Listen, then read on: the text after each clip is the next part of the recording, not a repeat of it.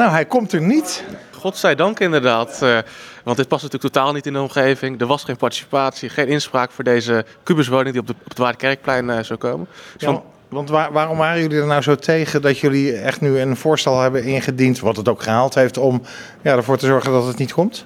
Ja, voor ons was de belangrijkste reden de participatie en de informatievoorziening. Want die heeft eigenlijk gewoon, eigenlijk is die gewoon ontbroken. Dit project loopt al bijna vijf jaar. Er heeft nooit een informatiebijeenkomst plaatsgevonden, nooit een participatiebijeenkomst. Zelfs geen informatiebrief richting de bewoners, met uitzondering van twee omwonenden.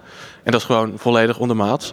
Iets wat gelukkig het college zelf ook heeft geoordeeld in 2022. En toen hebben ze ook een aantal strakke aanwijzingen gegeven richting de initiatiefnemer om de participatie te, te verbeteren. En ook dat is niet gebeurd. En toch is de gemeente helemaal meegegaan in dat proces. Hè? Pas helemaal aan het eind trekken jullie nu aan de noodrem, want zo wordt het ook genoemd, hè?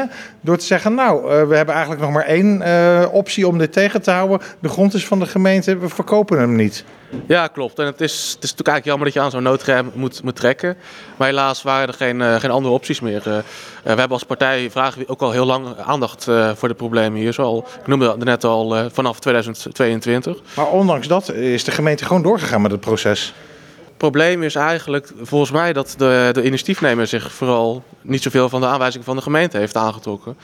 Uh, want de, initiatiefnemer die is, uh, nadat de aanwijzingen zijn gegeven om meer te participeren, heeft hij geen participatiebijeenkomst geïnitieerd. Maar heeft hij, een uh, vergunningsaanvraag ingediend bij de gemeente. En dan krijg je de situatie dat de gemeente gewoon juridisch uh, verplicht is om zo'n vergunningsaanvraag te gaan behandelen. Ja, dat is eigenlijk een beetje gek. Hè? Dat zei de wethouder ook eerder al.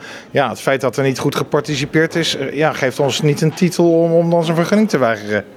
Ja, en uh, wat mij betreft uh, zou dat zo snel mogelijk aangepast uh, moet, moeten worden.